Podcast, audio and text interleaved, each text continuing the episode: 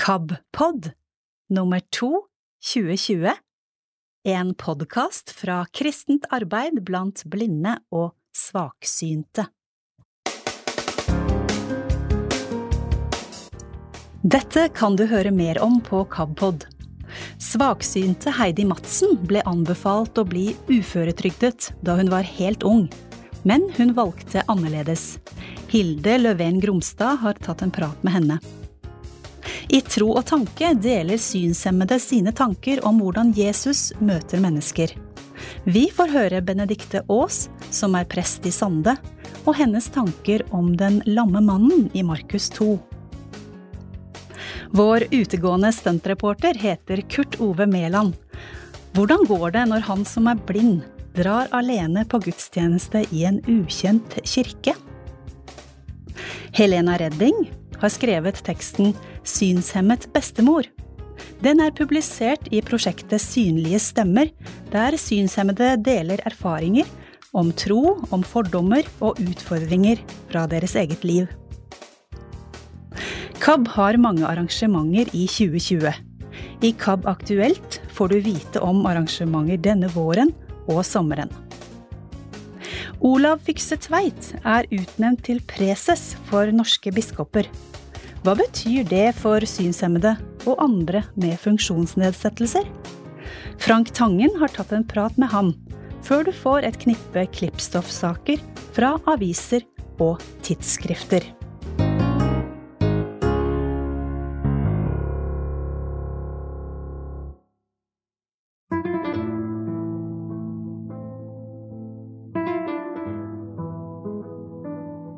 Deg en uke i Spania sammen med den du deler livet med. Dere to sammen med andre par der den ene har nedsatt syn. Dele erfaringer og den gode livspraten. Oppleve varme og gode dager. Dele kulturopplevelser og få nye inntrykk. Bli med på Casa Duo, da vel. Fra 20. til 26. april på Casa Montana. Kontakt KAB, eller sjekk kab.no for mer informasjon.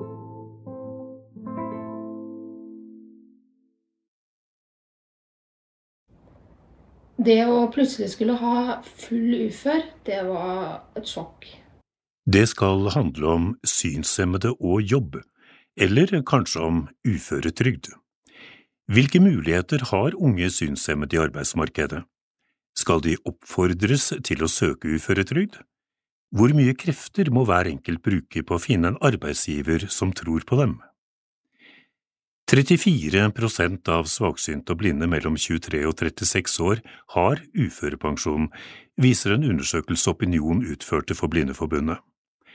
Hele 44% av dem som har uføretrygd, fikk det da de var 20 år eller yngre. Samtidig viser undersøkelsen at synshemmede oftere tar høyere utdanning enn folk flest. 49% synshemmede i denne aldersgruppa har utdanning på universitetsnivå. Av de som har uføretrygd, opplever halvparten at Nav foreslo det som en løsning, og jo dårligere syn, jo flere i gruppen har uføretrygd. Hvordan finner de et meningsfylt liv? Hilde Løven Gromstad har møtt Heidi Andersen Madsen, som tok kampen med Nav, jobbet i flere år, men nå er uføretrygdet. Jeg tenker jo tilbake på min Nå er jo jeg en dame i tidlig 40-åra, så jeg tenker jo tilbake på min egen ungdomstid som 18-19-åring, hvor eh, alle rundt meg hadde en klar formening om at eh, du bør jo egentlig på en måte bare søke ufør. Og jeg var ikke der, for jeg ønska meg høyere utdanning, og jeg ville ut i jobb.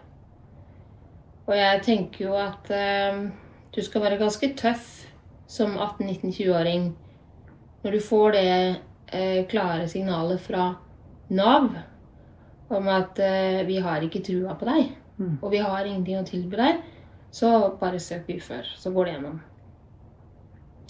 Og jeg har jo møtt eh, en god del synshemma etter hvert som eh, forteller lignende historier, både fra nyere tid og fra tida hvor jeg var ung. Mm. Så jeg kan bruke det ordet, da. Men uh, hvor jeg på en måte var i en uh, tidlig voksenfase. Og jeg syns jo på mange måter at det er det er for lett å kaste en uføre på en ung person som i utgangspunktet har ressurser og muligheter til å være i jobb. Mm.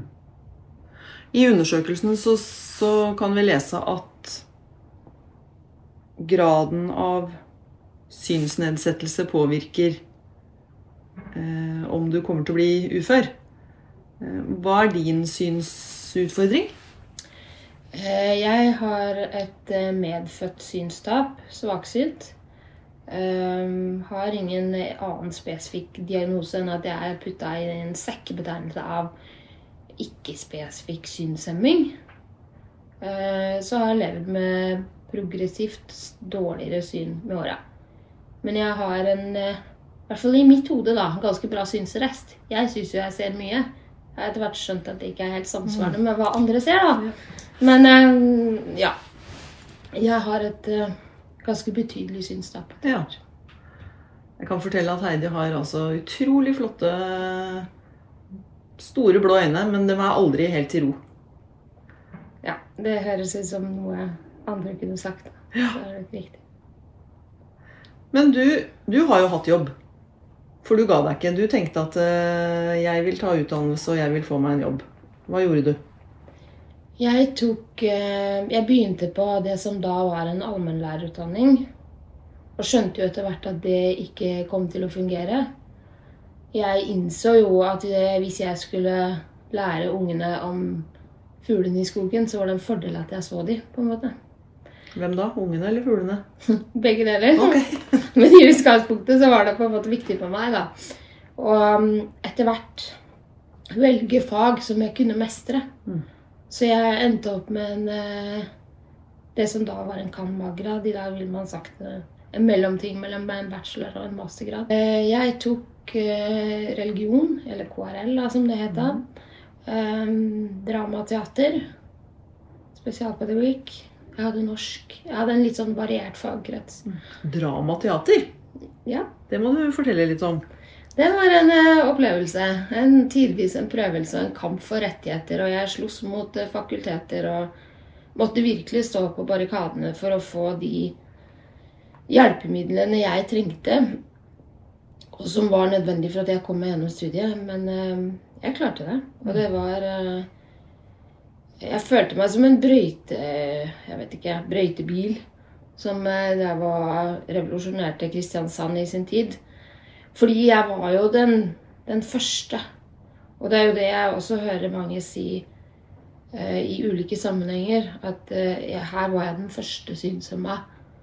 Om det nå gjelder innen helsevesenet eller det er andre steder, så er man på en måte stadig i situasjonen å, å være den første som ikke ser, eller som har redusert syn. Så det ble en kamp for å komme gjennom studiet, men eh, jeg hadde veiledere som eh, ikke trodde på meg, og da eh, vekka jo det kampinstinktet hos meg, da. For da tenkte jeg ok, da skal jeg i hvert fall fullføre. Eh, og det gjorde jeg. Vi hadde store teateroppsetninger, og det var Jeg telte skritt på scenen for å vite hvor scenekanten var, og det gikk jo bra. Det kosta selvfølgelig, men jeg har aldri angra. Men da kom du altså ut og var ferdig utdanna lærer. Eller kan-mag. Ja. Ja. Men, men ja, jeg kom ut som lærer. ja. Og så skulle du søke jobb. Ja, så skulle jeg søke jobb. Og det gikk jo ganske bra, fordi at eh, jeg er godt opplært, så jeg har lært hvor jeg skal holde blikket, sånn stort sett. Og jeg har en For omgivelsene så, så er det ikke åpenbart at jeg ikke ser så godt før de eventuelt ser meg med hvit stokk, som jeg bruker deler av døgnet. Fordi jeg ikke har mørksyn, f.eks. Um, så jeg fikk eh, jobb i skole, skoleetaten, skoleverket. Og um, selv om ikke kanskje kollegaene mine avslørte meg, så var det jo noen barn som gjorde det, da. Ok. De skjønte veldig fort at å ja, hun ser ikke så mye som oss, nei. Det kan vi jo utnytte. Ja. Og det gjorde de et par ganger, inntil de skjønte at å ja, hun får med seg hva vi gjør allikevel. Selv om vi er bakerst i klasserommet og gjør noe vi ikke skal, så klarer hun å fange det opp. Um, og det er klart Jeg hadde jo noen år som lærer hvor jeg brukte Jeg var på jobb, Jeg sov og spiste. Mm. Det var det jeg gjorde. Eh, og i lengden så fungerte jo ikke det. For jeg eh, brant lys i alle ender. Og lytta ikke tilstrekkelig nok til kroppen. Og det straffa seg jo. Mm. Så på et eller annet tidspunkt så skjønte jeg på en måte at ok, det her går ikke. Og så ble det starta en prosess med Nav, hvor jeg um, i 2015 fikk en 40 Nei, 60% ufør. Så jeg skulle jobbe 40. Og det klarte jeg fram til 2018-19. Og da var det full stopp. Da var det slutt. Og det, da var det rett og slett kroppen som sa at nå orker jeg ikke mer. Og nå må du bare trekke i alle bremsene du har. Eh, Så for meg så var det ikke primært synet som gjorde det, men, men at kroppen ikke orka mer. Mm. Og det var jo en eh, voldsom nedtur. Eh, psykisk så var det en kjempeknekk. Jeg var ikke forberedt på den. Eh, fordi at når jeg fikk den første graden, altså når jeg fikk de første 60 prosentene, så opplevde jeg på en måte at eh, det var en lettelse. For jeg var så sliten. Og jeg skjønte at jeg ikke ville klare å jobbe fullt. Jeg hadde redda meg inn på at jeg hadde lange ferier som lærer, og at jeg tok noe videreutdanning eh, som ga meg litt grann hvileskjær. Men eh, det å plutselig skulle ha full ufør, det var et sjokk. Og det tror jeg handla om at jeg, plutselig våkna en morgen med vissheten om at det var ingen som trengte meg. Og det var ingen som eh, Ingen som venta på meg. Ingen som hadde forventninger om at jeg skulle være på et gitt sted. Så jeg brukte, jeg brukte en del tid på å sørge, kanskje. Uh, over at uh, et kapittel var over. Samtidig som jeg tenker at uh, målet mitt er jo å komme ut igjen i jobb. Og der var jo Nav fantastiske. Jeg har bare hatt gode erfaringer med Nav, tro det eller ei. Stort sett så har de vært fantastiske. Og de var veldig påpasselige med å fortelle meg at du kan selvfølgelig komme ut igjen i jobb. Det er bare det at du klarer ikke det akkurat nå. Og det har vært til stor hjelp for meg å vite at alle dører og alle muligheter er ikke lukka, selv om jeg nå har en full uføregrad. Jeg veit jo at du Selv om du er ufør, så sitter jo ikke du her inne i stua og trommer på bordet og venter på at kona di skal komme hjem fra jobben. Du har mange jern i ilden. Ja, det har jeg. Og det var vel også noe som ble mulig etter at jeg ble ufør, faktisk. Um, fordi at eh, jeg måtte på en eller annen måte reorientere meg, da. Når uh, Først så kom jo lettelsen over at jeg faktisk fikk innvilga ufør, som jo for meg ikke var en selvfølge. Uh, og så kom sorgen over at å, er alt over? Og så kommer det en sånn type reorientering hvor jeg må tenke nytt. Og for meg så ble jo løsningen trening.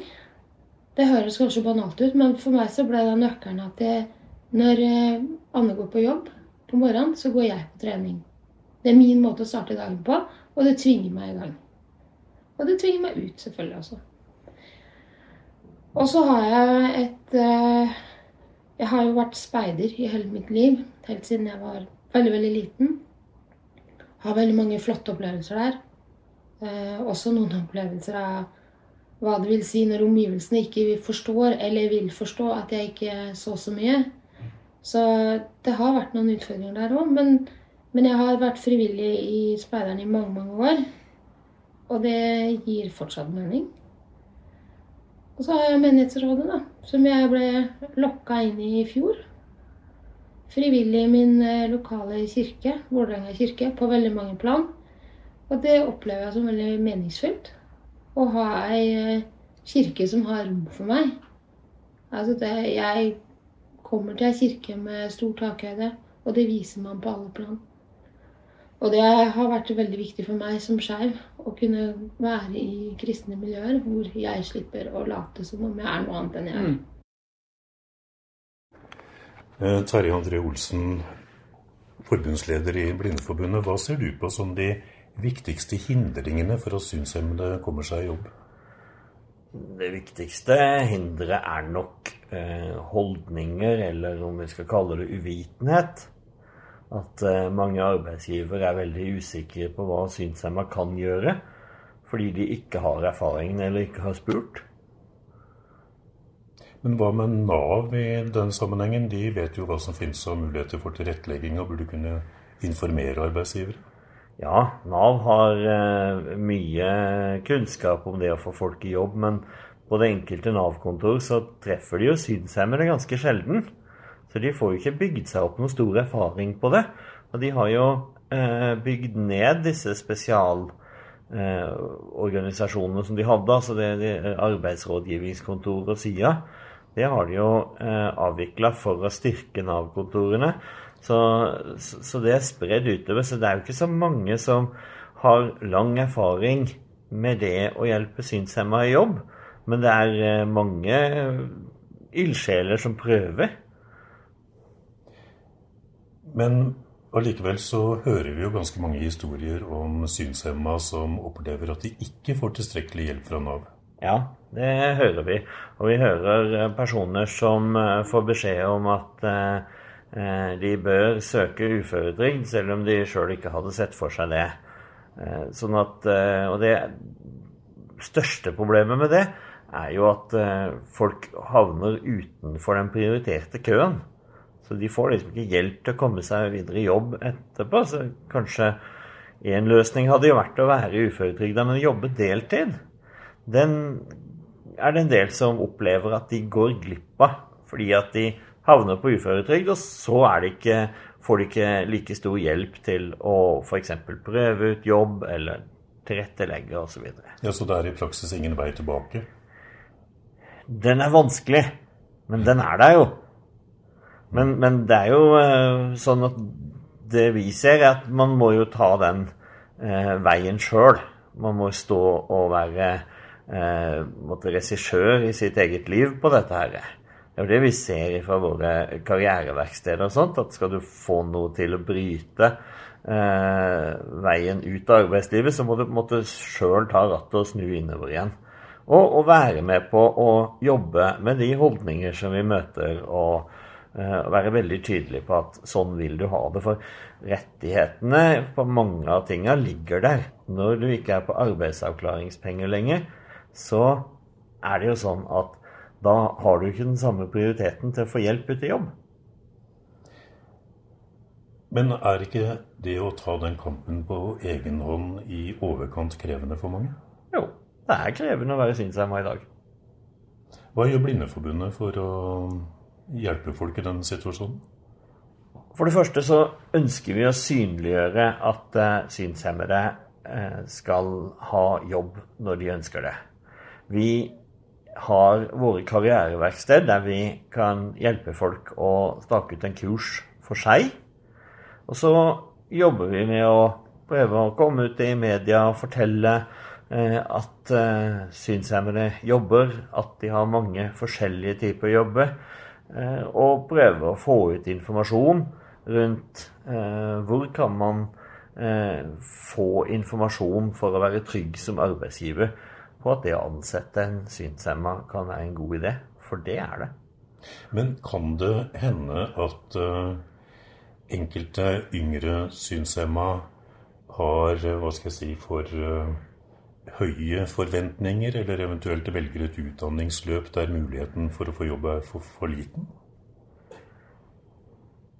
Det kan hende. Men det er nok noe som det har til felles med veldig mange unge. Det er jo det med Når man er ung, så har man ikke så lang erfaring. Sånn at eh, da kan man gjøre noen valg som begrenser.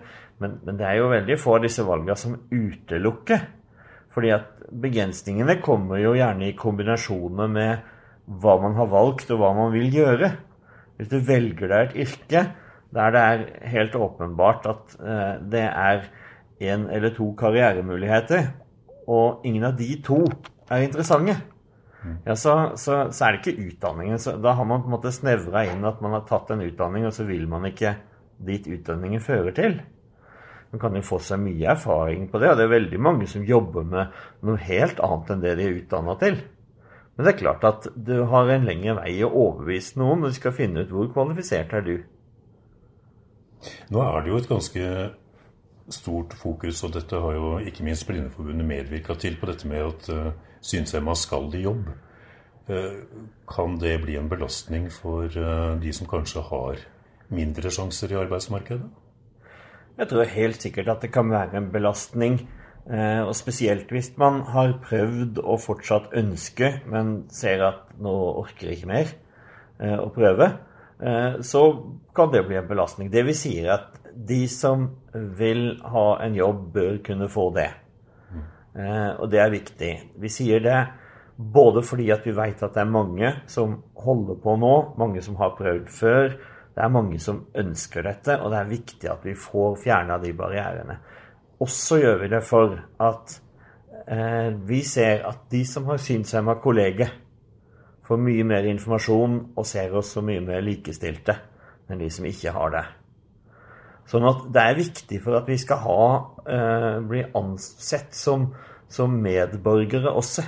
Så sånn sett så er det viktig også for de som Eh, enten har eh, funnet ut at det er noe annet enn arbeidslivet som gjelder for seg, eller for de som er eh, alderspensjonister og sånn sett er ferdig med den tida da arbeidslivet var en tid.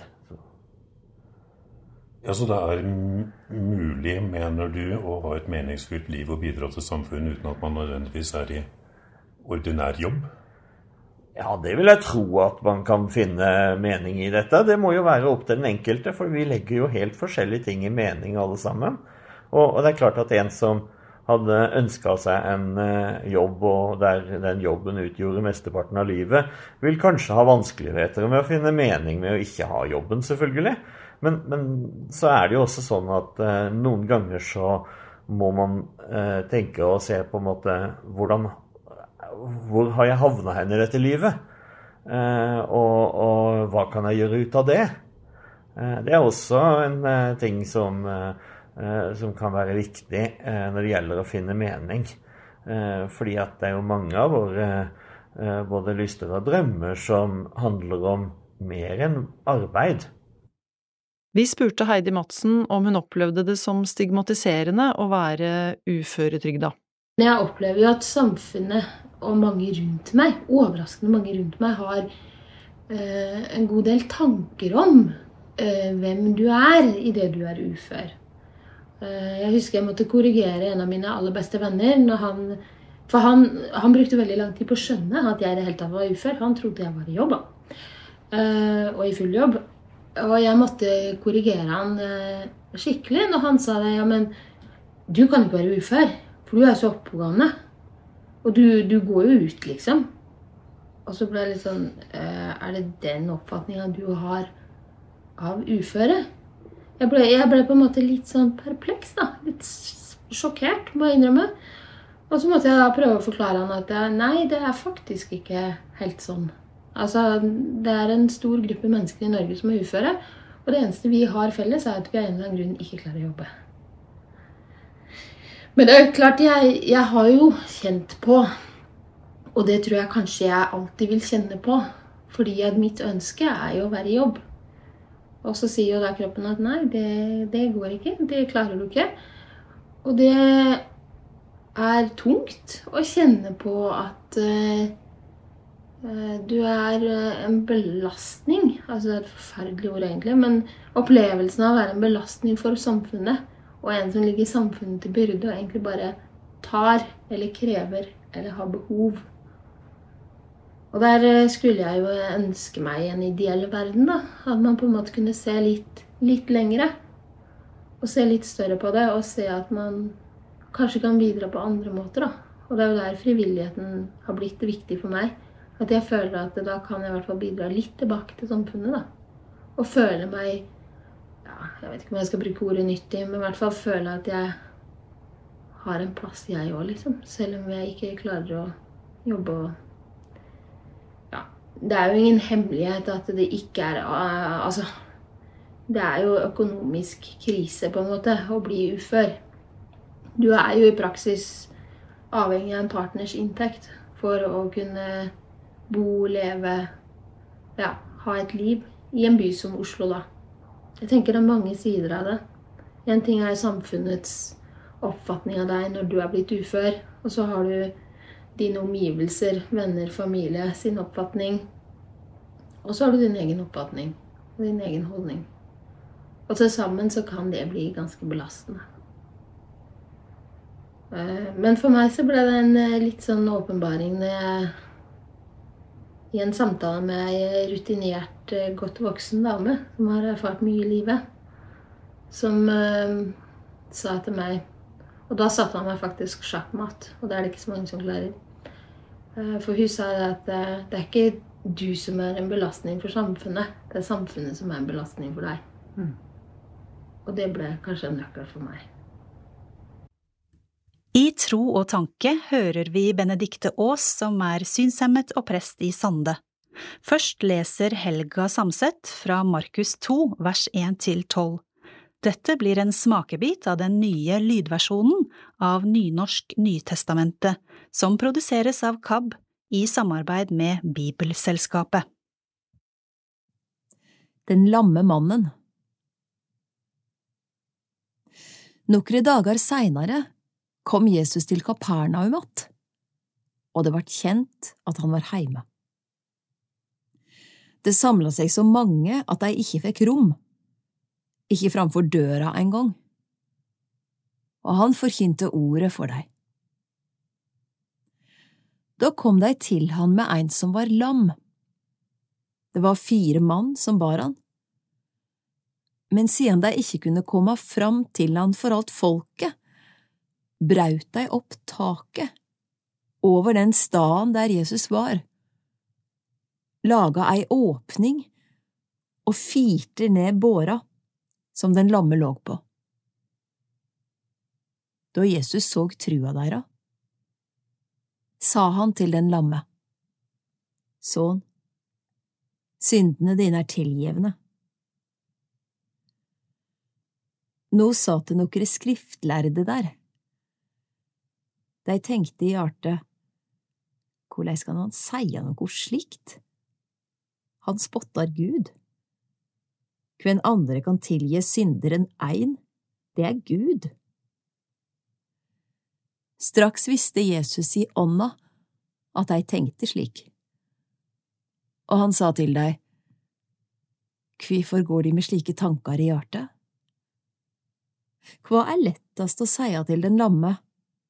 Syndene dine er tilgjevne, eller stå opp, ta båra di og gå? Men for at de skal vite at menneskesonen har makt på jorda til å tilgi synder, og nå taler han til den lamme, så sier jeg deg, stå opp, ta båra di og gå heim. Da reiste mannen seg, tok straks båra si og gikk ut framfor dei alle.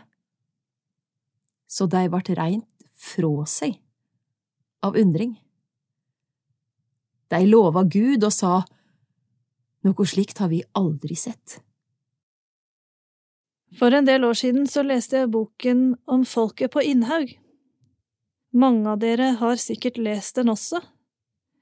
Det er en scene som jeg husker spesielt. Margit, hovedpersonen, hun blir sengeliggende. Og jeg husker ikke helt hvorfor. Og kanskje er heller ikke det så viktig. Men familien hennes sender bud på moren, og hun kommer. Moren gir trøst og samtaler, og gjennom den omsorgen moren gir, får hun kreftene tilbake og reiser seg og kan begynne å arbeide igjen. Livet vårt kan ofte være vanskelig, og mange ganger lamme oss. Det er mange årsaker til det. Det kan være sorg eller opplevelser vi har hatt. Det kan være andre som tynger oss ned, eller oss selv. Eller det kan være ting vi har gjort galt. Og når det skjer, trenger vi noen rundt oss, noen som gir trøst og oppmuntring, og som kan være med å bære oss igjennom. Vi har lest teksten i Markus 2 om den lamme mannen. Jesus er hjemme i Kapernaum, og huset er fullt av mennesker som vil komme og lytte til han. Det er fire venner som bærer den lamme mannen til Jesus. De kommer ikke frem på grunn av folkemengden. Og da bærer de han opp på taket, lager et hull og firer han ned, så han kommer ned der Jesus sitter. Jeg har ofte vært litt skeptisk til denne teksten. Jeg har vært redd for at den lamme mannen ikke selv har fått være med å bestemme om han ønsket å komme til Jesus eller ikke. Vært redd for at han har blitt båret dit av mennesker som tror de vet best hva som er bra for han. Men slik trenger det jo ikke å være. Den lamme mannen trenger disse fire vennene til å bære ham til Jesus. Slik vi alle trenger noen som hjelper oss og bærer oss noen ganger i livet. Også Jesus har trengt noen som bærer ham. Han ble født som et lite barn og trengte foreldre som ga han omsorg og trøst gjennom livet. De bar ham til tempelet da han var åtte dager gammel, for at han skulle omskjæres. Mange av oss er båret til Jesus som barn i dåpen. Jesus trengte også disiplene og nære venner rundt seg da han ble voksen og begynte sin gjerning. Noen som var med han og reiste rundt sammen med ham. Jeg tror han har funnet støtte og oppmuntring og omsorg også fra dem. Det er en fin ting, en fin ordning han har laget, at vi alle sammen trenger noen som bærer oss gjennom livet. I større eller mindre grad trenger vi noen rundt oss. Vi bærer hverandre, og ved at vi bærer hverandre, så kan vi gjøre en forskjell.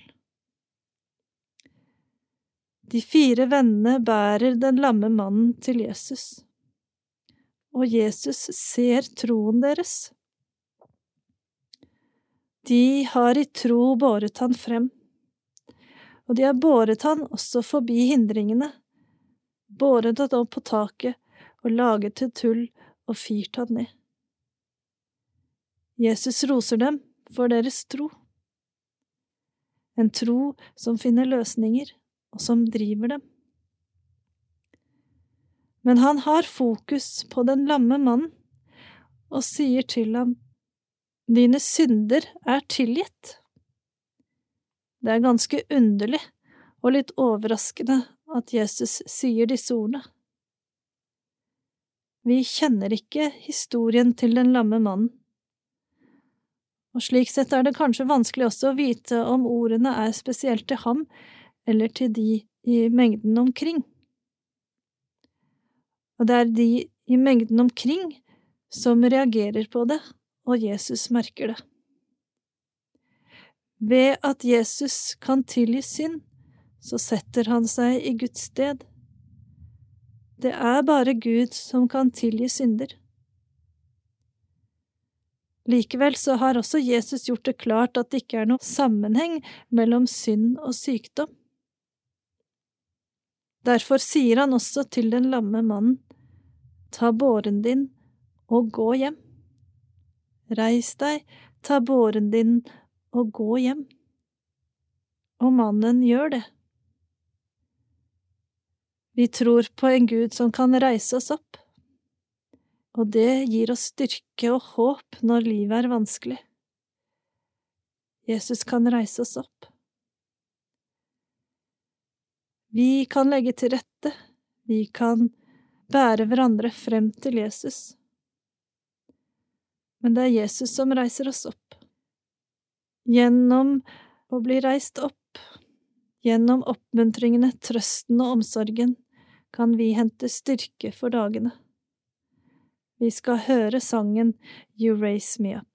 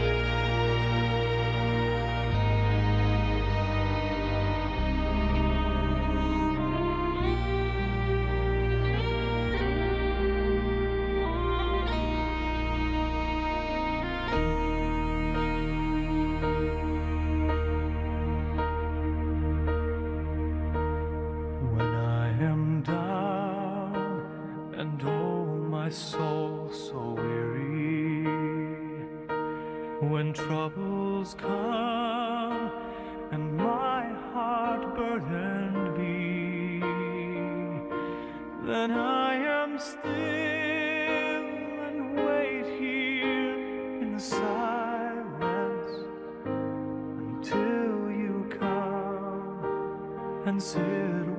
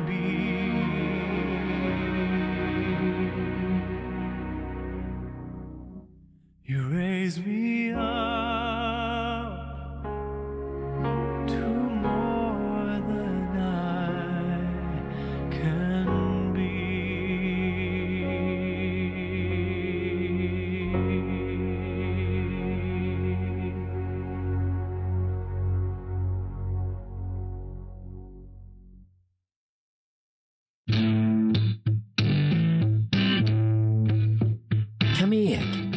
Hei, jeg heter Kurt Ove Mæland. Hvor går jeg? Sånn. Da viser du meg bort. Takk for turen. Nå må vi ut i dette forferdelige været. Herlighet. Hva ser jeg? På- for- Frampå her nå Ja, så er det da bladgull ja. Oi, som ligger altså gull som Ja. er som det er det der, er disse uregelmessighetene i bordplatene? Så, Ja, ja. Dersom du har et forslag til tema vi kan dykke lengre ned i på nye eventyr, så send en e-post, da vel. Kurt.ove.meland alfakrøll kapp.no. Ikke glem å høre på Kapp-podden, da. Så høres vi på nye eventyr. Sånn. Da viser du meg bort. Takk for turen. Nå må vi ut i dette forferdelige været. Herlighet. Å hjelpe meg. Vinden blir jo Tar jo dørene. Å hjelpe meg. Det er det verste. Og på knekke hele døren. Halloen, du. I dag så skal du få være med på noe spennende. Vi skal gjøre en blindtest. Og jeg er jo blind, og da er det jo praktisk eh, å gjøre en blindtest, for å si det sånn. Det går ut på at jeg kjenner ingen her, kommer aleine med hvit stokk i et fantastisk uvær. Eh, ledsaget av taxisjåføren bort til kirketrappen der jeg står nå. Og nå, du, nå skal jeg snart ta den evinderlige dørstokkmilen og gå inn i det jeg håper og tror er våpenhuset. Takk for turen. Men her inne i våpenhuset er det jo ingen kirkevert og tar imot meg. Jeg hører folk som går oppe over hodet mitt, så kan jeg være geleidet inn i kjelleren, ikke vet jeg. Det er en dør foran meg her. Eh, Men taxisjåføren han bedyret sin fraværende interesse av kirkelige ting, så jeg regner med at han kan ha funnet feil inngang. Kanskje jeg er foran i kirken, og hvis jeg går inn den døren som jeg hører er foran meg nå, kan det være det at jeg kommer snublende ut eh, rett over alterringen og drar med meg alt av eh, nyvaskede kalker i gulvet, og det blir både fortvilelse og forlystelse i kirken. Ja, takk skal du ha. Takk skal du ha. Trodde du var kirkevert jeg vet du.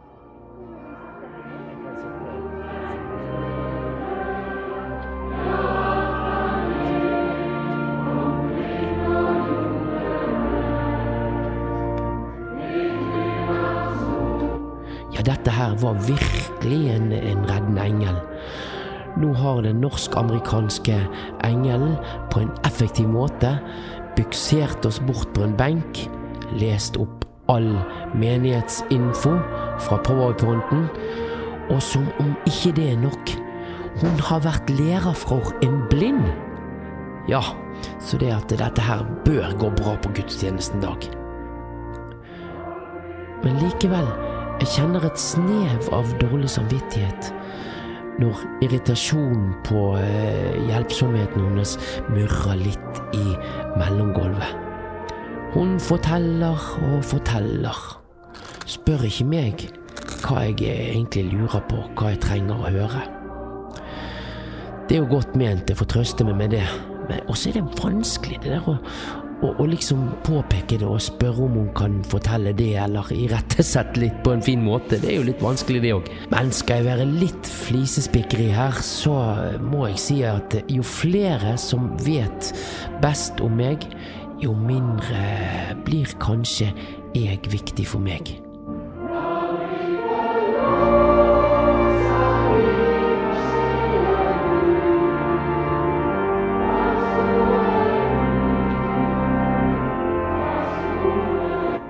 Jeg sitter her og tenker litt på det der å bli sett. Av og til er det sånn at man ikke vil bli sett, eller føler at man blir sett for mye. Eh, Når jeg går på gaten med førerhunden min, og så hører jeg noen folk som står på fortauet og snakker, og når jeg nærmer meg, så er de helt stille. Det virker nesten som om de holder pusten mens jeg går forbi. Vil det gå bra i dag òg?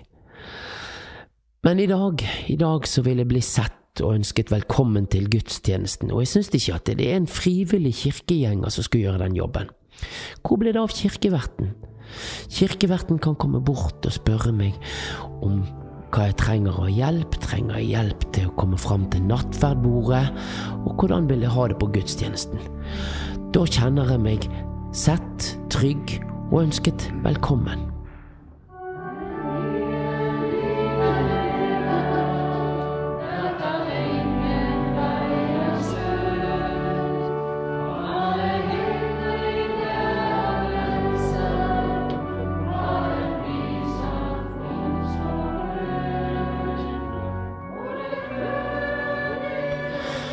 Det er veldig fin sang her i, i kirken i dag, syns jeg.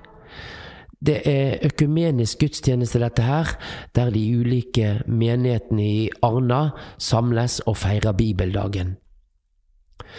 Sanggleden er en eh, stor del av, av denne gudstjenesten, og her kjenner jeg veldig godt at jeg ikke er med i fellesskapet.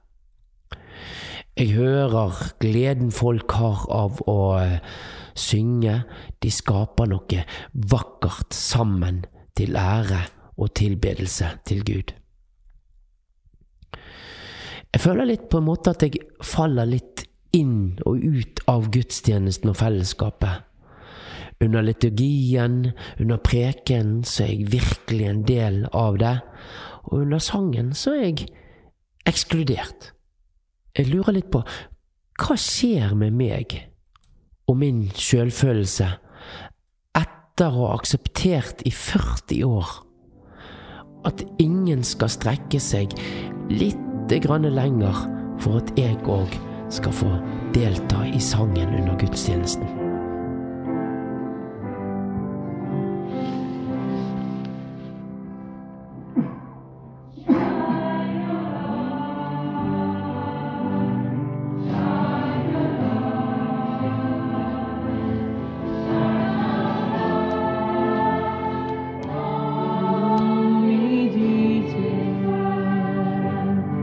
Nattverden, det er jo en eh, litt sånn uromoment når du sitter sånn aleine. Er det noen som kommer og spør om jeg skal være med fram, om jeg trenger følge? Men i dag er jeg heldig. Min eh, venninne ved siden av tar et fast grep i meg, og vi går fram og får vår nattverd uten problemer. Og jeg får til og med tenne et lys i lysgloben på vei tilbake, assistert av min gode venn.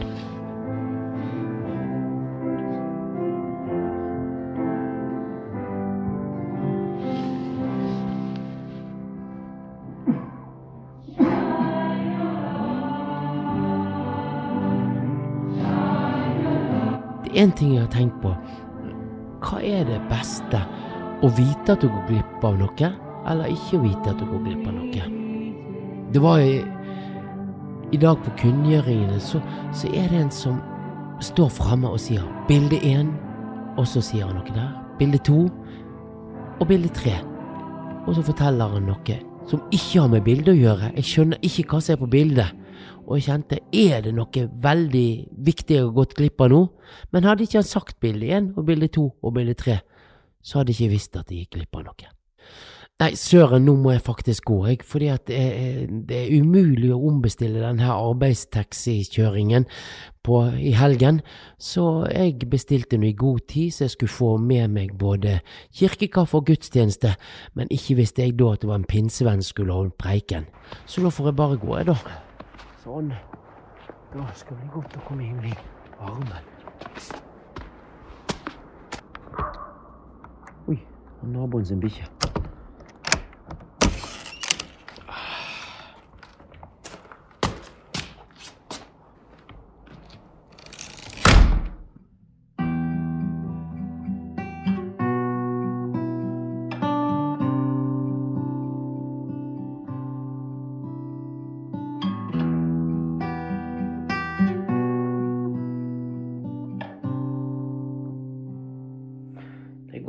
Sånn med gitaren og få litt ettertanke. og Av og til blir det musikk av noe, gitt. Men eh, det jeg sitter og tenker på nå, det er turen jeg hadde i kirken. Det er jo, det er jo frihet, det der å, å, å gå sånn aleine i kirken og kjenne at du mestrer det. Men det, det der at, det, at du mestrer det, det blir litt sånn av og til. Jeg følte liksom når jeg kom hjem at jeg var sliten. Jeg hadde mestret det. Jeg hadde jeg hadde klart noe. Og gudstjeneste det er jo ikke noe som du skal klare. Så dette var litt av de refleksjonene jeg fikk av å gå på gudstjeneste. Og du, hvis du har eh, noen kommentarer, eventuelt noen tanker om opplevelser du føler når du er på, på gudstjeneste, så, så send meg en mail, da. Mailadressen den er kurt.ove.mæland, alfakrøll, kabb.no. Da er jeg ferdig fra denne gang.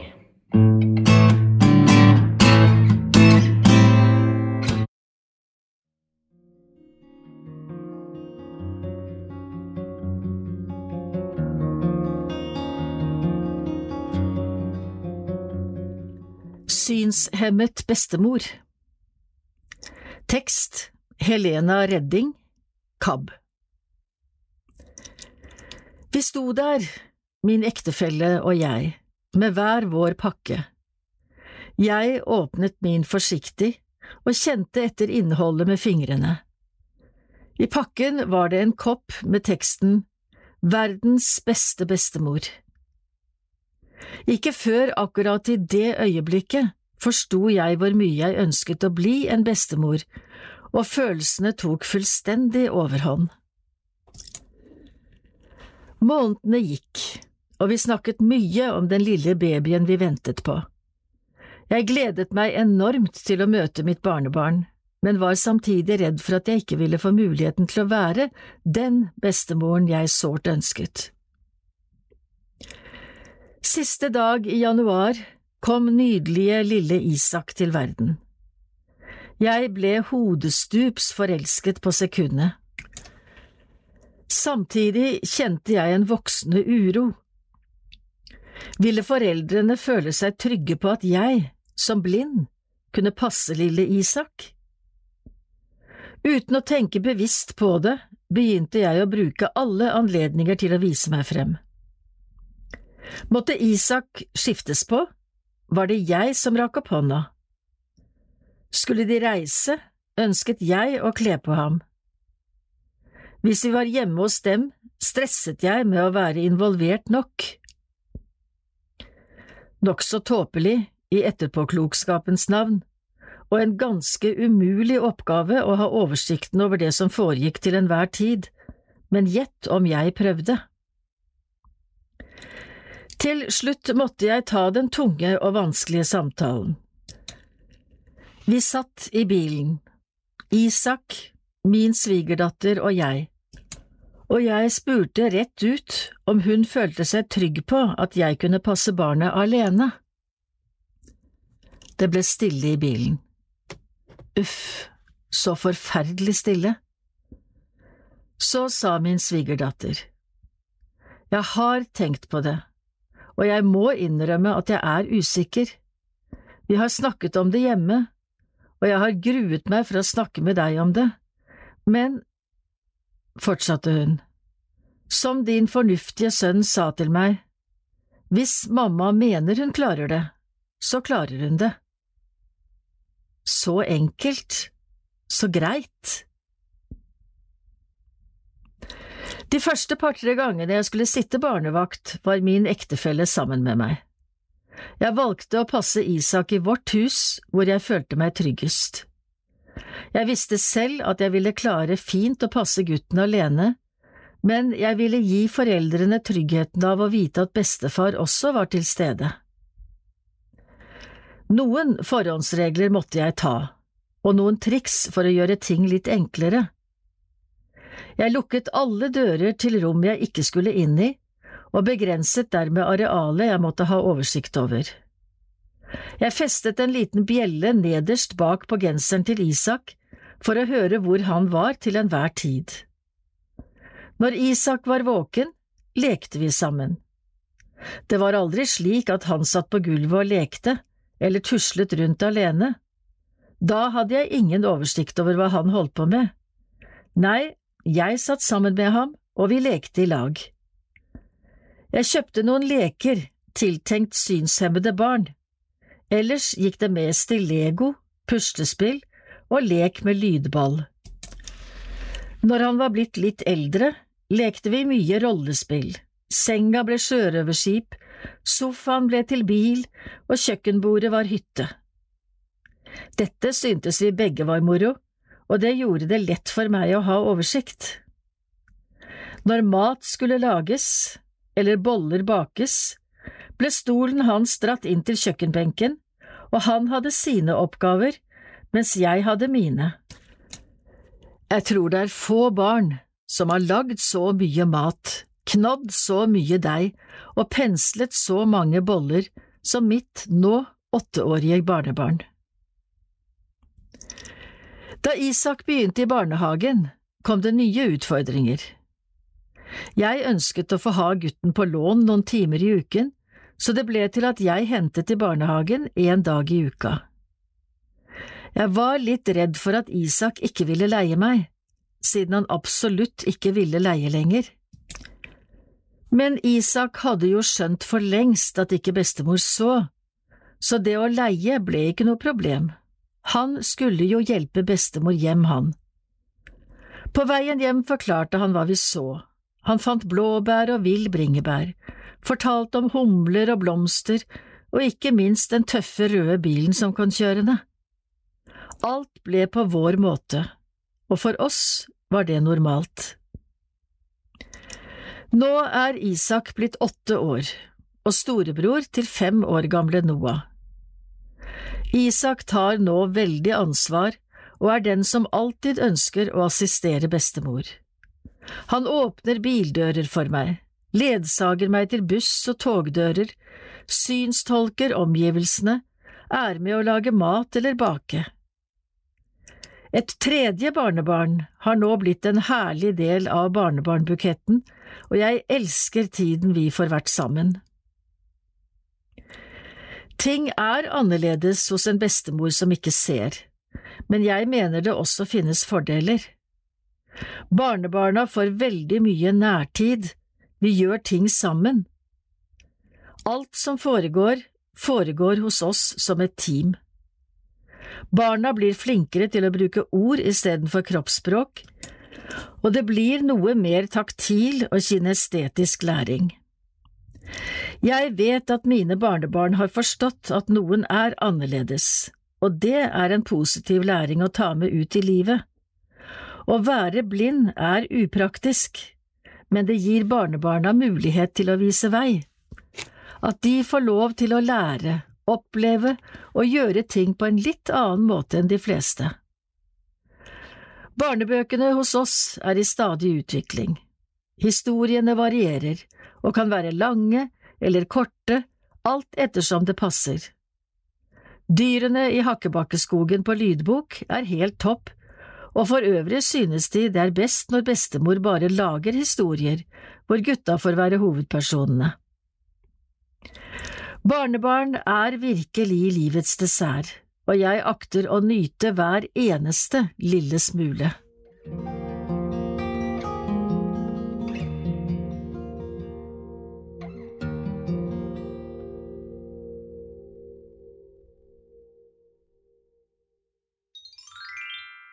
Først har vi to kurs i Spania som vi gjerne vil informere om denne gangen. Det første heter Casa Duo. Det er et kurs for par der den ene har et synstap. Sissel Bredvei og Per Werner Larsen er med som likepersoner. De har selv erfaring med synstap i sitt parforhold. KAB-diakon Hilde Gromstad skal være med på turen sammen med mannen sin Kåre. Hun har vært hos Per og Sissel for å planlegge samlingen. Ja, nå er eh, jeg hos Sissel og Per eh, for å planlegge Casa Duo i Spania. Og jeg syns vi har kommet et stykke på vei. Vi har funnet ut at vi må stå opp hver dag eh, og ha god frokost. Og en liten samling hvor vi kanskje har et lite tema vi snakker om. Det kan være noe om hvordan det er å få et synstap og leve med det. Og hvordan er det å være pårørende? Hva gjør det liksom med livet videre? Vi tenker at det er kjempeviktig å dele litt. eh, Både praktiske ting og ellers hvordan opplevelsene har vært. Eh, Og det er viktig å leve med det og akseptere hvordan ting har blitt. Og vi må snakke om veien videre. Eh, Og så kom det inn et lite tips her om noen fjellvettregler. Hva var det? Det var jo det at det heter jo Casa Montana, så vi har noen regler der nede. Men jeg tenkte jo kanskje at de reglene kunne skrives om litt til å ikke bare gjelde fjellet, men også livet. Da får vi se åssen det Mhm. blir, om vi har noen tips. Er det et par eh, av reglene dere tenker er viktigst? Gå aldri alene. Ja, den likte du. Den likte jeg. Og så skulle du si fra hvor du går. Nemlig si fra hvor du går. Ja. Og um, det er jo en utfordring i det daglige, så den eh, eh, fjellvettregelen må vi ta med. ja. Og så får vi se hvordan det går når vi skal begynne å grave oss ned i tide, da. Men uh, trenger kanskje ikke det? Nei, Det må jo bli på kvelden da, de som har lyst til å legge seg Ja, tidlig. ja. Det må være lov. Ja. Og i overført betydning, ikke grav deg ned. Ikke sant? Og vi er vel enige om at du kunne hatt en fjellvettregel som var noe med å Ja, du skal jo si fra hvor du går, da. Eller snakke sammen, liksom. Vi tenker at det er viktig. Målet med kurset er å inspirere hverandre og legge til rette for den gode livspraten og fine fellesopplevelser med utgangspunkt i KABs feriested Casa Montana, som ligger på den spanske solkysten like ved Malaga. Reise og opphold med full pensjon koster 10 000 kroner per par. Mer informasjon finner du på våre nettsider kab.no, eller ta gjerne kontakt med oss på 69 81 69 81, eller send en e-post til kab alfrakrøllcab.no. Liker du å skrive ned dine egne historier og fortellinger? Har du skrivekløe eller bare lyst til å lære mer om dette? Da vil vi anbefale kurset Ferie og skriveinspirasjon på Casa Montana i Spania fra 4. til 11. mai. Her kan du kombinere ferie, spennende utflukter og skrivehjelp. Kurset hjelper deg å komme i gang, gir deg de beste skrivetipsene og personlig tilbakemelding på dine egne tekster. Du trenger ikke spesielle forkunnskaper. Du får bo i inspirerende omgivelser på Casa Montana, Cabs ferie- og kurssenter utenfor Malaga i Spania. Kursledere er Kari Underland og Frank Tangen. Kari er utdannet lærer og jobber som redaktør i KAB. Frank har bakgrunn som journalist og formidler og har utgitt flere bøker. Han jobber som kommunikasjonsrådgiver i KAB. Prisen er 8000 kroner per person, det er inkludert full pensjon og flyreise. Antall plasser er seks til åtte deltakere pluss ledsagere. Du finner mer informasjon på våre nettsider kab.no eller kontakt KAB på 69 81 69 81 eller e-post til kab alfakrøllkab.no. Fra 21. til 24. mai inviterer vi KAB-folk i alle aldre til storsamling for KAB. Vi drar til Frelsesarmeens kurssenter på Jeløya ved Moss. Tema for samlingen er Verdifull og viktig.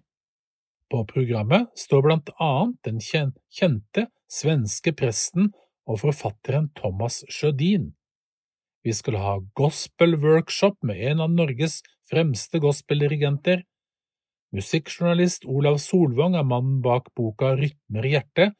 Han kommer og kåserer om den kristne populærmusikkens historie, og vi har flere spennende programposter på gang. Søndag blir det KAB-gudstjeneste i Jeløy kirke. Jeløya ligger vakkert og sentralt til, og det er lett å reise dit både med buss og tog. Vi håper du har lyst til å komme. Du finner mer informasjon på våre nettsider kab.no, eller kontakt KAB på 69 81 69 81, eller send en e-post til kab alfakrøllkab.no. Nå er det tid for årsmøter i KAB. Først ute var Stavanger Forening av KAB, som hadde besøk av generalsekretær og årsmøte den 19. februar. Neste ut er Oslo og Akershus Forening av KAB, som skal samles 1. mars i Sporveisgata 8 i Oslo. Det blir andakt ved Frank Tangen, bevertning og årsmøtesaker. 5. mars er det årsmøte i Agder Forening av KAB. Møtet er i Lund kirke Kristiansand. Det blir besøk av generalsekretær Øyvind Woie, som holder andakt og informerer om KAB. Det blir pizza og årsmøtesaker. Alle KAB-medlemmer har stemmerett, men alle andre er også hjertelig velkommen til å delta på møtene. Helt til slutt så tar vi med oss en melding fra Blindemisjon IL.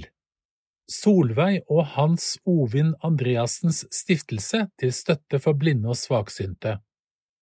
Legatporsjoner utlyses til støttetiltak for blinde, skråstrek svaksynte enkeltpersoner eller foreninger som ivaretar blinde og svaksyntes ve og vel.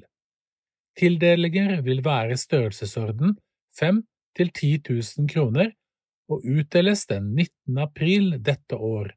Begrunnet søknad med dokumentasjon av synstap og svak økonomi, bes sendt til Blindemisjon IL ved Gustav Borch-Nilsen, postboks 15, Lambertseter. 1101 Oslo, innen 14. mars. Kavpod, som du lytter til nå, erstatter lydavisa KAB-magasinet. Den kommer ut 16 ganger i året. Medlemmer av KAB og alle andre som ønsker det, kan lytte til KABpod helt gratis. Du kan laste ned KABpod i KABs lydbibliotek, i appen Lydhør eller på utlånssidene til biblioteket. I tillegg kan du laste oss ned via Spotify, iTunes og andre digitale plattformer. Da kan du også gjerne dele KABpod med andre. Ønsker du å få den på CD, så kan du bestille det hos KAB, og det er telefon 6981 6981.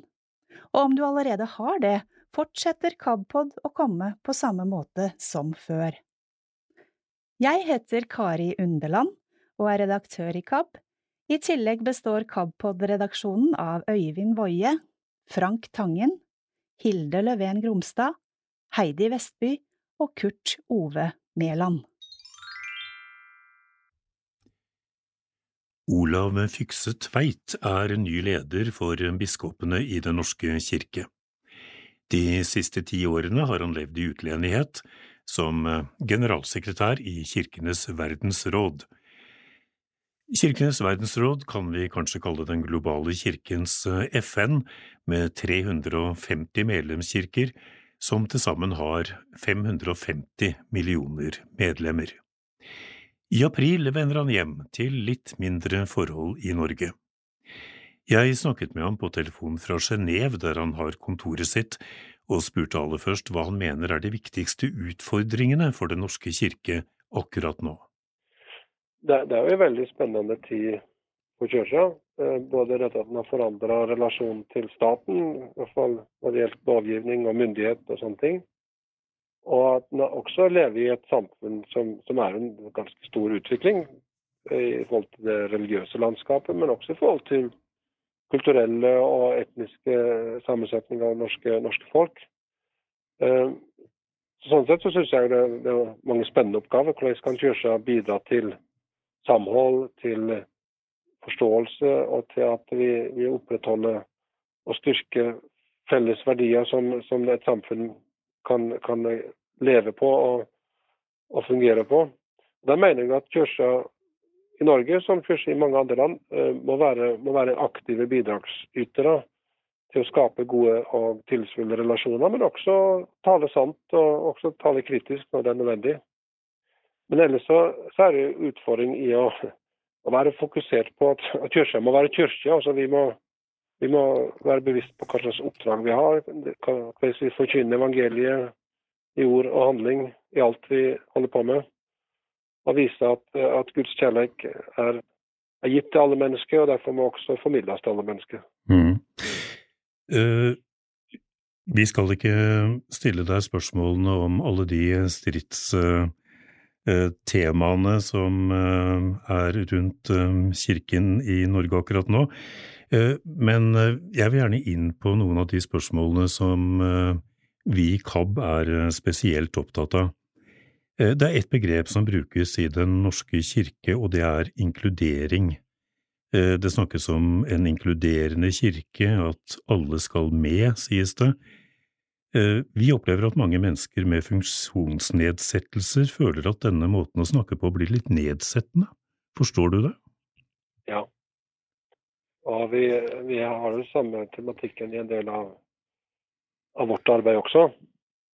Og Derfor så har vi også hatt stor glede og nytte av at vi har et, vi har et fellesskap, altså et Medical Network for Disabilities, altså som, som både jobber med praktiske ting, men også hjelper oss til å tenke teologisk og, og kulturelt om dette. Da. Og da har de også hjulpet oss til å, til å bli mer bevisst på at, at det ikke er sånn at f.eks. funksjonshemmede er noen som ikke er i fellesskapet, og som skal inn i fellesskapet. Altså, det er jo noe som genuint hører til fellesskapet, eh, sånn som de er. Og med det de er, og med de gavene de har, og de, de, det de kan bidra med. Og derfor så, så jeg, også, jeg skjønner til den der språkbruk med inkludering eh, kan virke, kan virke litt ekskluderende. Eh, og det samme kan du ha hvis en snakker veldig om at vi skal være vi skal fokusere på de som er marginaliserte. Altså, da definerer vi også noen for å være i ytterkanten, som, som, som jo per definisjon også hører til fellesskapet. Den eh, organisasjonen innenfor Kirkenes verdensråd som du nevnte, sto jo da bak et dokument som heter Gift of Being, eller på norsk eh, Tilværelsens gave. I 2016 tror jeg den ble godkjent eller eh, vedtatt av Kirkenes verdensråd. Og der snakkes det jo blant annet om at vi ikke skal snakke om inkludering, men om ikke-ekskludering. Og så henvises det til dette bildet med legeme og lemmene som brukes i Det nye testamentet. Eh, Det dokumentet har ikke fått spesielt mye oppmerksomhet i Norge. Kan det gjøres noe mer for å implementere denne tankegangen? Det kan det jo helt sikkert. Og, og hvis jeg kan bidra til det, så vil jeg jo gjerne også For jeg, jeg synes at det, Kanskje er det et veldig godt dokument. Altså Det reiser viktige spørsmål ikke bare for mennesker med funksjonsnedsatt livssituasjon, uh, men, men, for alle som, som, er i et fellesskap. Og, og, og se livet ut fra det perspektivet, og se da alles plass og bidrag ut fra det perspektivet, er jo ganske viktig for at vi skal ha et, et, et likeverdig og et uh, godt fellesskap. Og det det vil jeg gjerne være med å bidra til at vi, at vi drøfter nærmere, men også implementere bedre. Eh, det er gjort en god del i norsk kirke, eh, men jeg, jeg også ser at det er jo mer som kan gjøres. Men kan det være at uh, norske menigheter sånn på lokalplan har et litt forelda syn på diakoni når mennesker med en funksjonsnedsettelse gjøres til objekter for omsorg, i stedet for at man fokuserer på hvilke rettigheter de har? Det kan hende. Det er litt vanskelig for meg å, å, å uttale meg så veldig generelt om, om hvordan det, det folk tenker og, og, og, ser på dette. Men, men altså, jeg kan jo si generelt ut ifra de samtalene vi har i Kirkens verdensråd, så har vi jo vært opptatt av at, eh, at eh, det vi kaller for ecumenical diakonia må være både basert på, på omsorg, men også på rettigheter. Eh, og et dokument som vi holder på å gjøre ferdig nå, og som vi kan publisere i løpet av våren, så vil det være et, et viktig fokus. Eh, vi vet jo at Den norske kirke har rekrutteringsproblemer, og samtidig så melder funksjonshemmede kirkeansatte om manglende tilrettelegging. For synshemmede er det f.eks. et praktisk problem at datasystemene som brukes i kirken ikke er universelt utformet. Eh, kan det legges bedre til rette for at eh, mennesker uten full funksjonsevne kan jobbe i kirken? Det kan det helt sikkert, og uten at jeg skal uttale meg konkret om hvordan det er, for det, det må jeg lære mer om. Men, men, det er jo viktig at, eh, at, man prøver å legge til rette for at alle kan bruke sine gaver ut fra de forutsetningene man har. Og, og vi vet jo at det er mange funksjons, med funksjonshemming da, som som har spesielle gaver, og som, som er viktige både enten de er lekfolk, eller de er ansatte i kirke, eller de er ordinerte. Ja, Hva tenker du spesielt at medarbeidere med nedsatt funksjonsevne kan ha å tilføre kirken? Um, en av de personene som betydde mest for meg i min barndom, var en person med, med funksjonshemming. Uh, og det har jeg etter hvert skjønt hang sammen med både hvem den personen var, som var en veldig begava person som forsto mye og kunne bidra mye i det medmenneskekontakt, og ikke minst også for oss som barn. Men, men vedkommende også hjalp meg til å, å, å, se livet litt fra hennes synspunkt.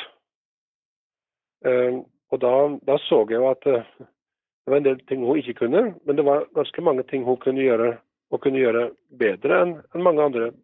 Både fordi hun hadde et spesielt perspektiv som, hun, som livet hadde måttet lært henne, uh, som også da gjorde at det kunne være solidarisk å forstå andre som hadde også eh, spesielle utfordringer i livet. Eh, men også det at hun, hun hjalp til å forstå at altså, vi, vi, må ikke være like, og, og, og, og det er vi uansett ikke. Å ha like muligheter for å kunne, for å kunne være like mye verdt og kunne være like viktige. Om noen uker skal du være på plass i eh, Norge, Olav Fikse Tveit. Eh, Velkommen hjem. Ikke ta det som en trussel, men det kan nok hende at eh, KAB vil ta kontakt med deg, både om det vi har snakket om nå og om andre saker. Høres det greit ut?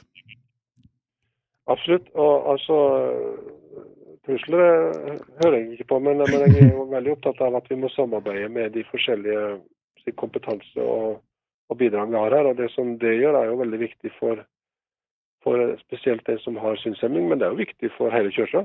At vi finner måter å bruke deres kompetanse på til glede for hele fellesskapet også.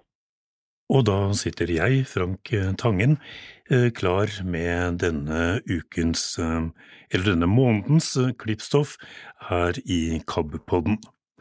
Vi skal eh, høre om en diskusjon, eller eh, kanskje vi skal kalle det en krangel, om eh, stygge kirker. Kan en kirke være stygg? Hva kjennetegner en eh, pinsevenn? Vi skal høre at flere og flere blir eh, pilegrimer, og vi håper også å få plass til en eh, kronikk fra avisa Verdens Gang med overskriften Hold kjeft og bli klok. Men den første saken i dag handler om en Twitter-storm om stygge kirker. Da student Magnus Løken spurte Twitter om hjelp til å kåre Norges styggeste kirke, fikk han en overveldende respons, øh, forteller øh, avisa Dagen. Og kunsthistorikere er ikke overrasket. Hva er Norges styggeste kirke, var spørsmålet han stilte da han så Jørpeland kirke utenfor Stavanger. Han var på en utflukt sammen med venner da han fikk ideen til å legge ut et bilde av kirken med kommentaren Er Jørpeland kirke landets styggeste kirke? Jeg forventet egentlig bare et eh, par svar, men så tok det jo helt av. Jeg ble ganske overrasket over hvor mange stygge kirker som finnes, sier han til Dagen. Det ble et eh, stort engasjement i kommentarfeltet, over 70 bilder av kirker fra hele landet ble publisert. Også kjendiser engasjerte seg. TV 2-journalist og forfatter Fredrik Gressvik mente at Fyllingsdalen kirke utenfor Bergen er den styggeste i landet, mens eh, tidligere rådgiver for Sylvi Listhaug og nå journalist i Nettavisen, Espen Teigen, foreslo Steinkjer kirke i Trøndelag. En lang liste med kirker fulgte, som også inneholdt nyere kirker som Nordlyskatedralen i Finnmark, Østre Porsgrunn kirke i Telemark og Våler kirke i Hedmark. Etter å ha sett de andre kirkene, så mener jeg vel nå at Jørpeland kirke egentlig ikke er så stygg lenger. Den verste er vel Justvik kirke i Kristiansand, den ser ut som et kjøpesenter, mener Løken. Professor Kristin Aavitsland ved MF Vitenskapelige høgskole foreleser blant annet i emnet kirkearkitekturens historie. Hun er ikke overrasket over at kirkene sin utforming skaper så stor debatt. Jeg opplever at folk er opptatt av kirkene i lokalmiljøet sitt. Når du ser at når kirker brenner, så er det et veldig stort engasjement rundt hvordan man skal erstatte dem. Det handler ikke så mye om tro, men om en felles identitet, sier Aavitsland. Hun mener at man skal være forsiktig med å avskilte kirker som umoderne eller stygge. Det er generelt slik at moderne arkitektur lever farlig. Sånn var det også med stavkirkene i en periode, som ble sett på som umoderne og ble revet i stor skala. Hva som er stygt eller vakkert endrer seg, og veldig mange eldre kirker i dette landet har gått tapt fordi folk synes de var stygge og ville ha noe nytt, sier foreleseren. Et stort antall av kirkene som ble foreslått i Twitter-tråden, ble bygd på 1960- og 70-tallet. Kunsthistoriker Henrik von Achen ved Universitetet i Bergen er ikke overrasket over at denne tidsepoken er så sterkt representert på listen. Han kaller slike kirker betongarkitektur. Når vi ser på dem i dag, så ser de veldig stygge og brutale ut. I dag vil vi ha noe mer spennende, men på den tiden var det viktigere å bygge praktiske arbeidskirker enn pene signalbygg, sier Achen. Den kirken som til slutt, i avstemningen som dagen arrangerte, ble kåret til Norges styggeste, er Østre Porsgrunn kirke, som åpnet i fjor høst. Da den ble åpnet, sa lokale beboere til NRK at den så ut som den var bygd med Lego. Kunsthistoriker von Achen mener at arkitekter har fått en mye større frihet nå enn tidligere. De moderne kirkerommene er noe av det mer innovative og spennende, fordi der kan arkitektene slå seg løs. Kirker, konserthus og museum er de siste signalbyggene hvor arkitekter kan utfolde seg kreativt, sier Achen. Så fikk Avisa Dagen kritikk for å ha arrangert denne kåringen, blant annet fra Kirkerådets leder. Og i en lederartikkel skriver dagens redaktør blant annet Dagen skrev om Twitter-debatten og inviterte samtidig våre lesere på nett til å si sin mening om spørsmålet i en uhøytidelig kåring. Det er ikke vår mening å tråkke på noen, og det både håper og regner vi med at de fleste ser. Dagen er jo en folkelig avis med glimt i øyet, må vite.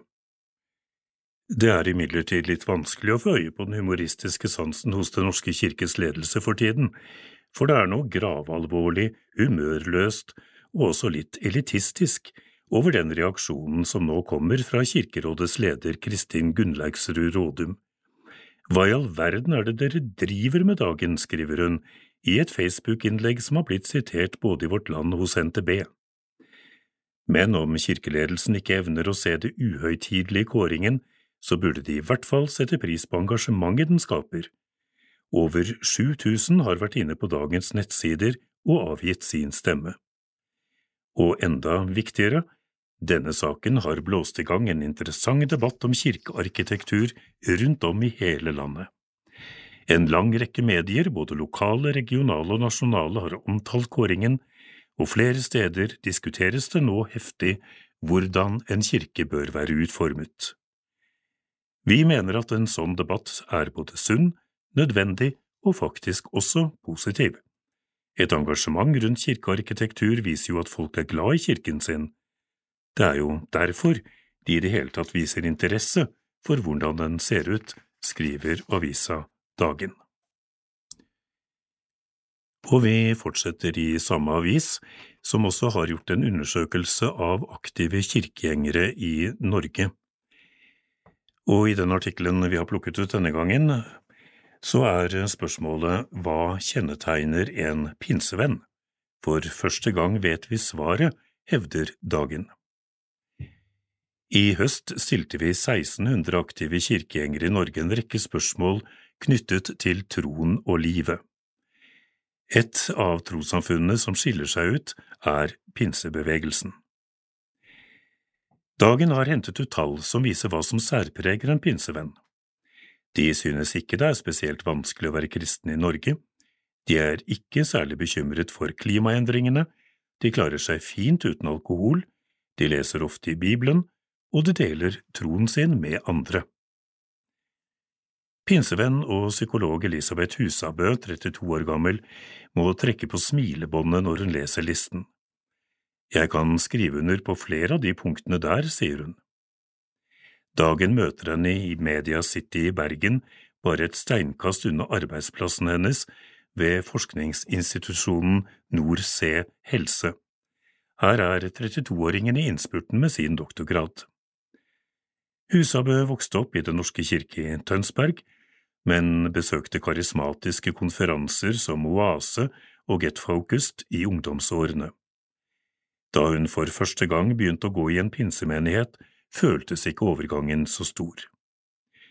Psykologistudiene tok henne til Bergen, hvor hun nå har bodd i ti år. Her er hun aktiv i pinsemenigheten Salt og har funnet sin ektemann, som også er pinsevenn. Nå viser ferske tall at pinsevenner er de som oftest forteller ikke-kristne om sin tro. En av tre deler troen sin hver måned, mens det i Den norske kirke bare er én av fem som deler troen månedlig. Husabø forteller at hun snakker om troen sin daglig, først og fremst med ektemannen sin og andre kristne, men flere ganger i måneden snakker hun også med ikke-kristne om tro. I høst havnet jeg ved siden av en ny kollega på en jobbfest. Vi skulle bli kjent med hverandre, så da han spurte hva jeg driver med, svarte jeg spøkefullt jeg er en sånn superkristen. Han lo og trodde jeg bare spøkte, forteller 32-åringen. Dermed var samtalen om tro i gang. Jeg spøkte jo på en måte, samtidig er det jo sant at jeg er en kristen. Også når det kommer til bibellesning er Husabø en ekte pinsevenn, mens eh, bare én av fem aktive kirkegjengere i Den norske kirke leser i Bibelen daglig, gjør over halvparten av pinsevennene det. Når det kommer til klimasaken, er Husabø bare delvis enig med svarene i undersøkelsen. Pinsevenner er overrepresentert blant de som sier at klimaendringene engasjerer meg i liten grad. Nesten 40 prosent er helt enig, eller delvis enig, i at klimasaken engasjerer lite. Det gjelder ikke meg. Jeg er opptatt av klimasaken fordi det handler om nestekjærlighet og forvalterskap. Vi må ta bedre vare på kloden vår slik at de neste generasjonene kan ha det godt, sier hun. Dette har ført til at hun og ektemannen Ruben har ventet med å skaffe seg bil. Dessuten prøver jeg å kjøpe færre klær og gå fly sjeldnere. Det virker ikke som pinsevenner er så bekymret, eller synes livet som kristen er vanskelig. Er det noe i begrepet gladkristen? Egentlig liker jeg ikke begrepet gladkristen. Jeg forbinder det med en person som mangler refleksjon, og som ikke tar inn over seg alle sider ved livet. Livet er ikke alltid glede, og troen har en plass uansett hvordan man føler det. Men jeg vil jo si at jeg er en glad kristen, sier Husabø. Antall registrerte pilegrimer her til lands er blitt mer enn syvdoblet de siste syv årene. Ekspert tror trenden vil fortsette, skriver Alice Tegle i Kristelig Pressekontor, KPK. Den veldige veksten er blitt en hyggelig normal, sier en entusiastisk kommunikasjonsrådgiver, Trine Neumann Larsen, ved Nasjonalt pilegrimssenter i Trondheim, til Kristelig Pressekontor. I dag omtales St. Olavsveiene sammen med verdenskjente pilegrimsruter som Santiago de Compostela og Machu Picchu, men vi skal ikke mer enn syv år tilbake i tid før det var tilnærmet folketomt langs de norske pilegrimsledene. I 2012 begynte det imidlertid å skje noe.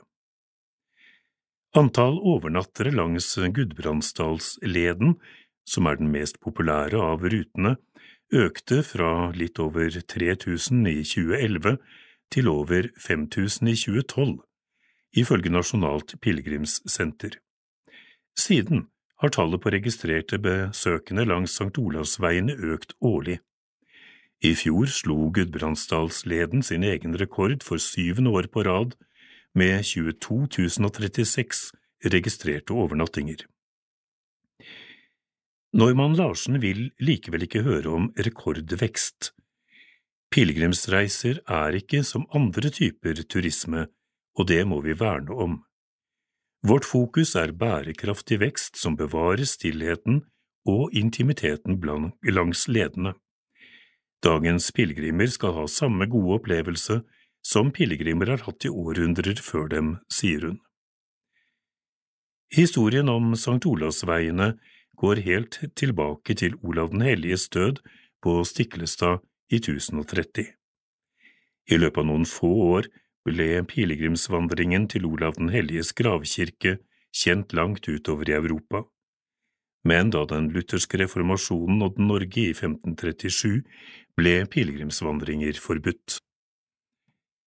Først i det tjuende århundre begynte folk igjen å komme til Nidaros som pilegrimer. Særlig etter 1970- og 80-tallet dukket stadig flere opp, og ikke minst da pilegrimsveien mellom Oslo og Trondheim ble merket fra 1993 og frem til 1997. Gjennom samtaler med pilegrimer får vi inntrykk av at det synes de tusen år lange røttene og den åndelige dimensjonen gjør pilegrimsvandring til en meningsfull måte å reise på. Uansett om det er troen eller pausen fra hverdagen som motiverer dem, sier Neumann Larsen og fortsetter. Pilegrimene ønsker gjerne en pause fra det hektiske hverdagslivet. Det er noe meditativt i å få lov til å gjøre en type reise som handler om enkeltheter som hvor man skal gå og hvor man skal overnatte, og så går du bare. Du får rom til å være og rom til å tenke, sier hun. Nasjonalt pilegrimssenter håper å tiltrekke seg enda flere med interesse for historie, kultur og lokale tradisjoner i vakker natur. De har derfor tatt initiativ til et prosjekt som skal kartlegge blant annet pilegrimenes motivasjon. Hvis det religiøse er tonet ned, hva er det da som skiller en pilegrimsvandring fra en hytte-til-hyttevandring med Turistforeningen? Pilegrimsvandring handler om å gå til et hellig mål. Nidarosdomen er der som et mål i dag, slik som i middelalderens Norge, sier Trine Neumann Larsen, og understreker at også kirkene langs ledene har en betydning. Inntrykket vårt er at uavhengig av folks tro er kirkene veldig viktige milepæler. Dessuten har kirkerommet en egen funksjon i totalopplevelsen for pilegrimen, sammen med møtene med mennesker langs leden og den enkle livsstilen, sier hun. Og da kan det jo passe akkurat her å minne om at uh, KAB arrangerer faktisk pilegrimsvandring til Nidaros i juni i år. Mer informasjon om det finner du på våre nettsider, eller du kan bare ringe til oss i KAB og få vite hvordan opplegget vil bli. Akkurat den turen krever vel at man er i stand til å gå et par mil om dagen. Vi skal fortsette litt i samme bane. Eh, dette er en artikkel vi har klippet fra Verdens Gang, VG, som har overskriften Hold kjeft, bli klok. Den er skrevet av Kim Larsen, katolikk og førsteamanuensis ved NLA Høgskolen i Bergen. Stillheten er vanskelig for mange, men tåler du den, er det mye å hente, skriver han. Effektivisering preger hverdagen for mange, og flere opplever at dersom en slår ned på takten, risikerer en å komme i berøring med en ubehagelig uro. Hurtigheten er med på å holde uroen i sjakk. Jeg må ha noe å gjøre, jeg orker ikke stille perioder. Ifølge den store filosofen Blaise Pascal er noe av menneskets ulykke deres manglende evne til å forbli i ro på rommet sitt. Pascal forfektet at dersom mennesket søker freden gjennom travelheten, vil det miste hvilen som gjør det i stand til å gi akt på seg selv. Jeg tror mange mennesker lengter etter mer stillhet i vår tid, men de fleste skygger unna. Noe av frykten har kanskje å gjøre med følelsen av lede og tomhet. Behovet for stillhet og dypt alvor presser på, men konsekvensene ved å ta seg tid til å leve langsommere blir for store. Prisen er for høy, fordi mange vet at roten til kaoset finnes inni dem selv. Motoren for maset, det rastløse jaget, er noe det moderne mennesket har bygget opp over en lengre periode. Hva ville skje dersom alt ble stille? I frykt for svaret skygger vi unna og prøver å døyve rastløsheten og oppsplittingen med ulike substitutter. Mange mennesker har likevel hatt et sterkt behov for å trekke seg tilbake for å søke et ettertankens område. Vi finner spor av at kirken tar dette på alvor i vår tid. Siden 1950-tallet har det kommet mange retreatsteder i Norge og flere nye klostre. Bare siden 1990-tallet har vi fått et titalls nye kvinnelige ordenssamfunn her i landet, og mange av dem tilbyr rom for stillhet, bønn og veiledning. Behovet for et stille liv er likevel ikke et moderne fenomen. Bibelen løfter frem betydningen av å trekke seg tilbake fra støyen og på den måten bli mer disponibel for det guddommelige men også klosterbevegelsen og kirkens lekfolk har i hver sin stand prøvd å virkeliggjøre dette budskapet i Bibelen. Men de som kanskje først og fremst radikaliserte denne søken etter stillhet og fred, var kirkefedrene på 300-tallet. På jakt etter total ensomhet og stillhet flyttet flere av dem ut i ørkenen.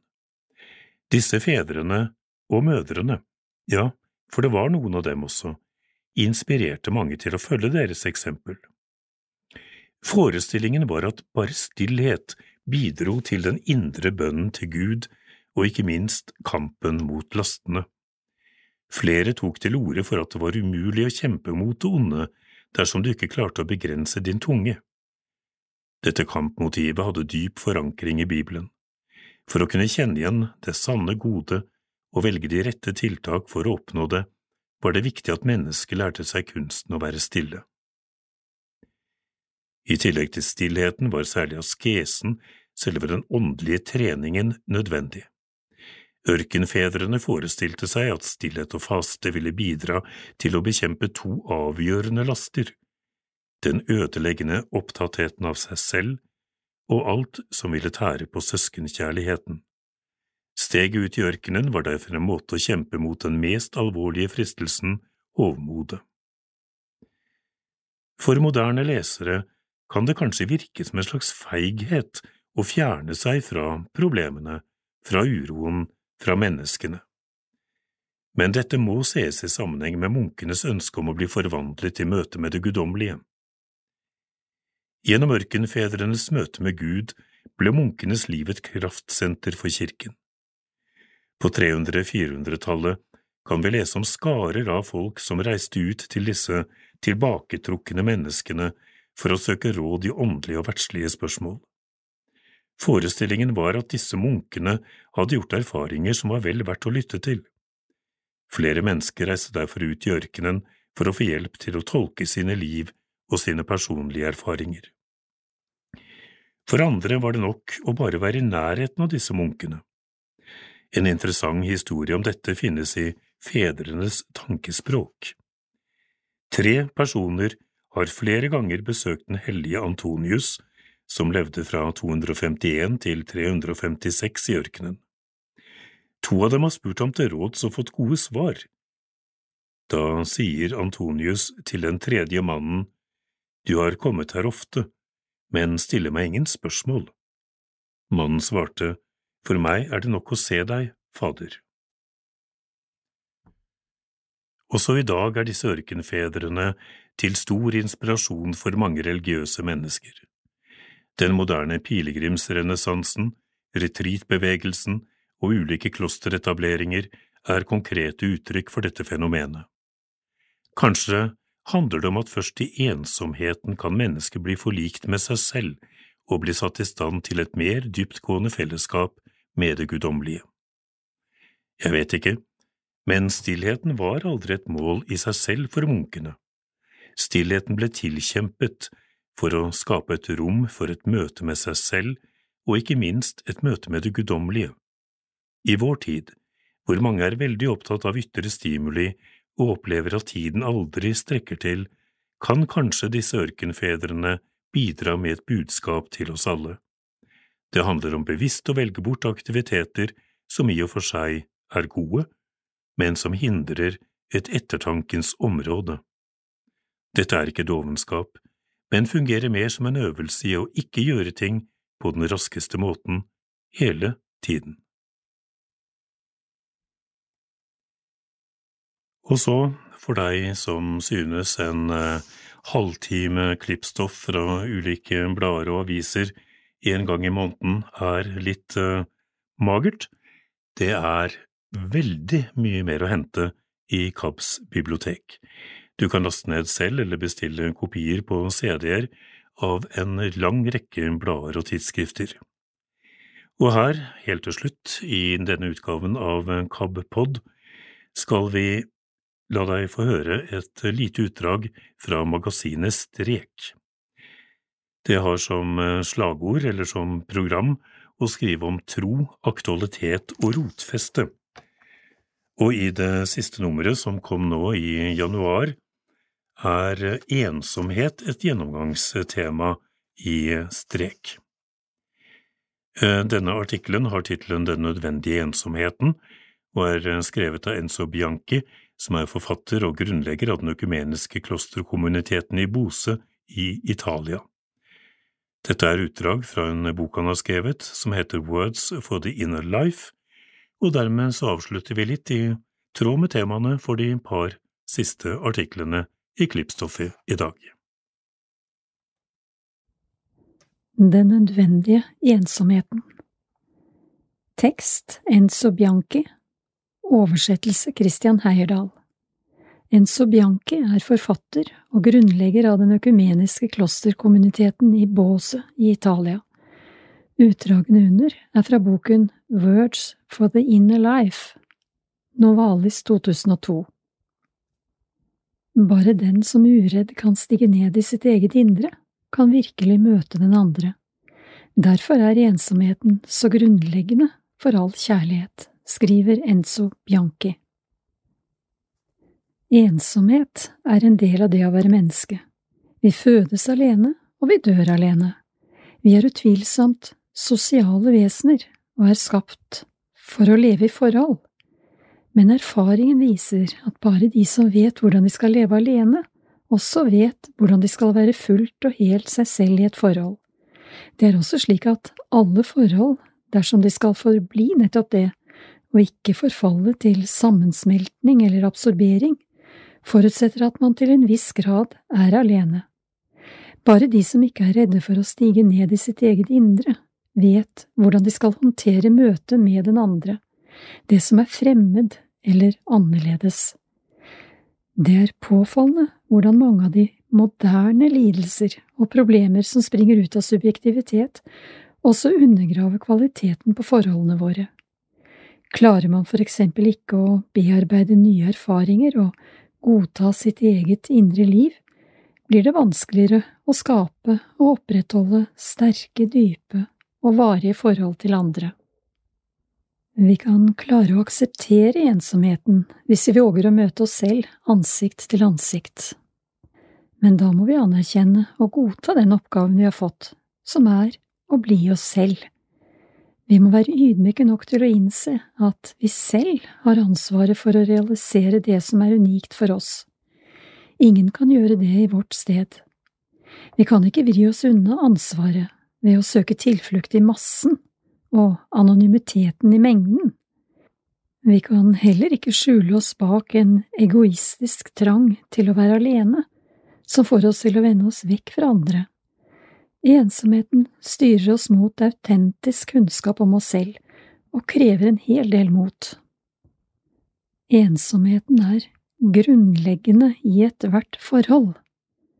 Det er den som gjør et forhold til et forhold, og det er når vi er i et forhold at vi best kan forstå ensomheten. Vår evne til å elske er proporsjonal med evnen til å godta å være alene. Hvis ensomhet finnes i kjærligheten, er dette kanskje et av de sterke tegnene på at denne kjærligheten er autentisk. Simon Wey skriver, Ta vare på ensomheten.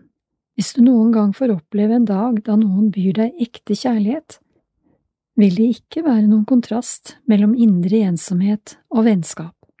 Det vil faktisk være et usvikelig tegn på vennskap. Ensomhet er kjærlighetens smeltedigel alle store menneskelige og åndelige bragder springer ut av ensomhet. Kristus, som opplevde ensomheten da han ble forrådt, da venner og disipler forsvant, da han ble avvist av sitt folk, og da til og med Gud forlot ham, viser oss også hvordan vi kan utholde den formen for ensomhet som blir påtvunget oss, ensomhet i negativ forstand, han som på korset opplevde både total nærhet til Gud og være forlatt av Gud, minner oss om at korset er et mysterium av ensomhet og fellesskap, et kjærlighetens mysterium.